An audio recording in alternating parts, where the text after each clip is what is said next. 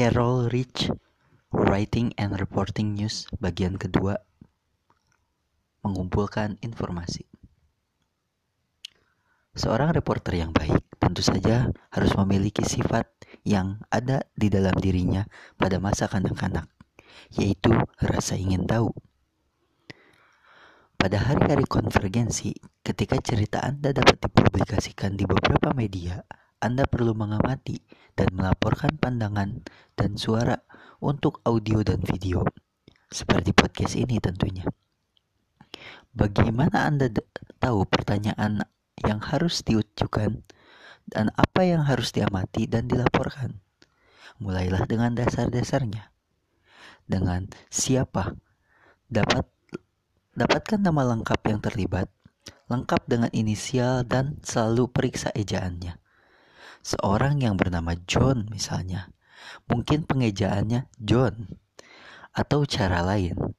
Jika sumber Anda kenal dengan nama panggilan, tulis nama lengkap pada referensi pertama dan masukkan nama panggilan di tanda kutip setelah nama depan. Untuk televisi, nama sumbernya mungkin ditumpangkan di atas gambar di layar dengan ejaan yang akurat, sangatlah penting. Tanyakan sumber Anda bagaimana ia memiliki nama yang lebih suka ditangani. Untuk cerita di web, Gunakan nama belakang pada referensi kedua kecuali untuk anak-anak. Apa? Dapatkan akun tentang apa yang terjadi dan berapa lama cerita terutama cerita polisi. Anda mungkin menceritakan urutan kejadiannya. Anda tidak harus menceritakannya secara kronologis, tetapi Anda harus memahami urutannya. Catatan hari dan waktu acara yaitu kapan.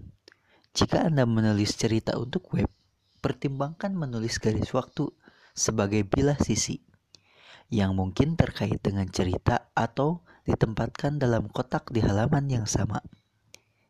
Di mana? Dapatkan lokasi, jelaskan adegan itu, Anda mungkin harus memberikan detail kepada grafis peta lokasi. Jadi, kumpulkan detail spesifik tentang lokasi tersebut. Mengapa? Memahami apa yang menyebabkan acara tersebut, apa konfliknya, dan apa itu resolusi jika ada. Bagaimana? Mencari lebih banyak informasi tentang apa yang terjadi, bagaimana itu terjadi, dalam pesan apakah acara dibuka. Jadi, apa? Apa dampak acara terhadap peserta? apa dampak memiliki pada pembaca? Apa yang membuat cerita ini bernilai berita atau sangat penting? Jika Anda sedang menulis pertanyaan, jejak pendapat untuk televisi atau web, Anda akan ditanyakan kepada pembaca atau pemirsa. Sekarang, untuk pertanyaan yang lebih sulit, apa yang perlu diketahui pembaca untuk mengerti dan peduli dengan ceritamu? Anda tidak bisa menjelaskan acara tersebut kecuali memahaminya sendiri. Dan Anda tidak dapat memahaminya kecuali Anda mengali jawaban. Kunci adalah melepaskan rasa ingin tahu Anda. Bermain peran. Tempatkan diri Anda dalam peran pembaca. Apa yang membuat cerita itu penting dan menarik? Jika Anda terpengaruh oleh cerita ini, apa yang Anda dapat inginkan dan butuhkan untuk mengetahuinya. Bayangkan Anda adalah seorang reporter untuk koran kampus Anda. Telepon berdering. Penelpon memberitahu Anda ada api dan kemudian menutup telepon. Anda memanggil pemadam kebakaran. Seorang operator memberi Anda alamat api. Ini alamat Anda apa yang pertama? Pertanyaan muncul di benak Anda. Jika Anda memiliki teman sekamar, mungkin Anda akan melakukannya. Ingin tahu apakah mereka terluka? Apakah orang lain di dalam gedung terbunuh atau terluka? Apa kucing Anda baik-baik saja? Apakah apartemen atau kamar Anda hancur? Berapa luas kerusakan? Apa yang menyebabkan kebakaran itu? Kapan dimulai? Berapa lama gedung itu terbakar? Di mana penghuni gedung yang akan tinggal jika apartemennya hancur atau rusak. Maka rasa kekhawatiran akan pertanyaan ini menimbulkan daftar yang berlanjut. Itulah konsep dasar dan bermain peran, dan itu bisa dihasilkan puluhan pertanyaan Anda dalam banyak cerita. Memahami urutan kejadian mulai dengan yang sekarang, kemudian pergi ke masa lalu dan ke masa depan.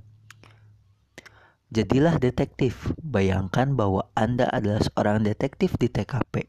Sebuah protes rally peristiwa lain apa pun yang melibatkan misteri atau konflik. Pernyataan apa yang akan Anda minta untuk memecahkan masalah dan kejadian masalahnya? Pertanyaan-pertanyaan ini akan berpusat pada apa yang terjadi. Penulis motif, konsekuensi, dan petunjuk-petunjuk mengungkapkan kebenaran. Penulis yang baik harus menjadi reporter yang baik terlebih dahulu, dan wartawan yang baik mengamati dan mengumpulkan detail dan semua indera mereka, penglihatan, suara, bau, dan yang lebih jarang adalah rasa dan sentuhan. Kamu dapat menggunakan kekuatan observasi Anda dalam cerita apa pun. Jika Anda ingin membaca dan memvisualisasikan sumber atau adegan Anda, salah satu teknologi terbaik adalah untuk menunjukkan orang tersebut beraksi. Teknik ini umum digunakan di Indonesia. Fitur cerita dengan tulisan deskriptif. Tapi itu juga bisa digunakan dalam berita-berita keras untuk petunjuk lembut pada berita. Apa pun jenis ceritanya, Anda perlu baik keterampilan observasi. Berikut adalah contoh dari berita keras melawan berita lembut. Anda membutuhkan pengamatan yang baik untuk berita berat dari cerita fitur.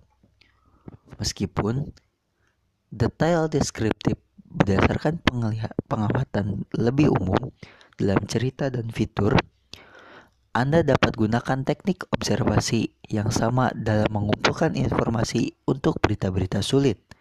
Kisah-kisah tentang bencana, cuaca, kebakaran, peristiwa-peristiwa lain di dalam pandangan itu sangatlah penting. Dari mereka, detail deskriptif berdasarkan pengamatan. Saat protes, Gunakan observasi dan laporkan tanda-tanda yang dibawa oleh para pemprotes dan apa yang mereka nyanyikan.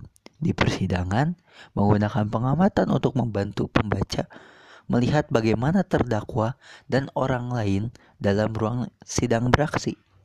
Jika Anda melaporkan acara berita terbaru untuk televisi, jangan bergantung pada video catatan pengamatan ini. Dalam setiap bencana, kebakaran, atau kejadian serupa, reporter melakukan gambaran adegan itu dengan jawab pertanyaan yang mungkin diajukan jangkar. Selain itu, wartawan mungkin diharapkan memposting blog yang menjelaskan acara berita terkini.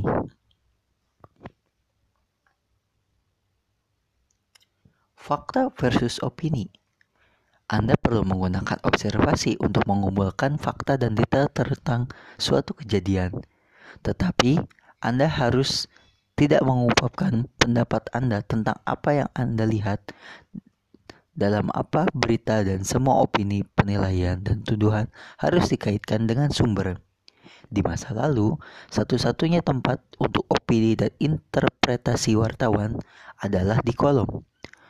Di cerita yang dilabeli analisa, dan cerita pertama yang biasanya didahului oleh catatan editor. Sekarang, wartawan dapat menggunakan pengamatan dan pendapat orang pertama di blog. Tetapi berita cerita harus tetap mengandalkan fakta dan pendapat dari sumber lain. Meskipun berita siaran lebih bersifat pribadi, wartawan biasanya tidak merujuk diri mereka sendiri dalam cerita berita, kecuali mereka menanggapi pertanyaan dari pembawa berita itu. mungkin sekian eh, presentasi dan podcast tentang buku Carol Rich Writing and Reporting News bagian kedua mengumpulkan informasi. Terima kasih.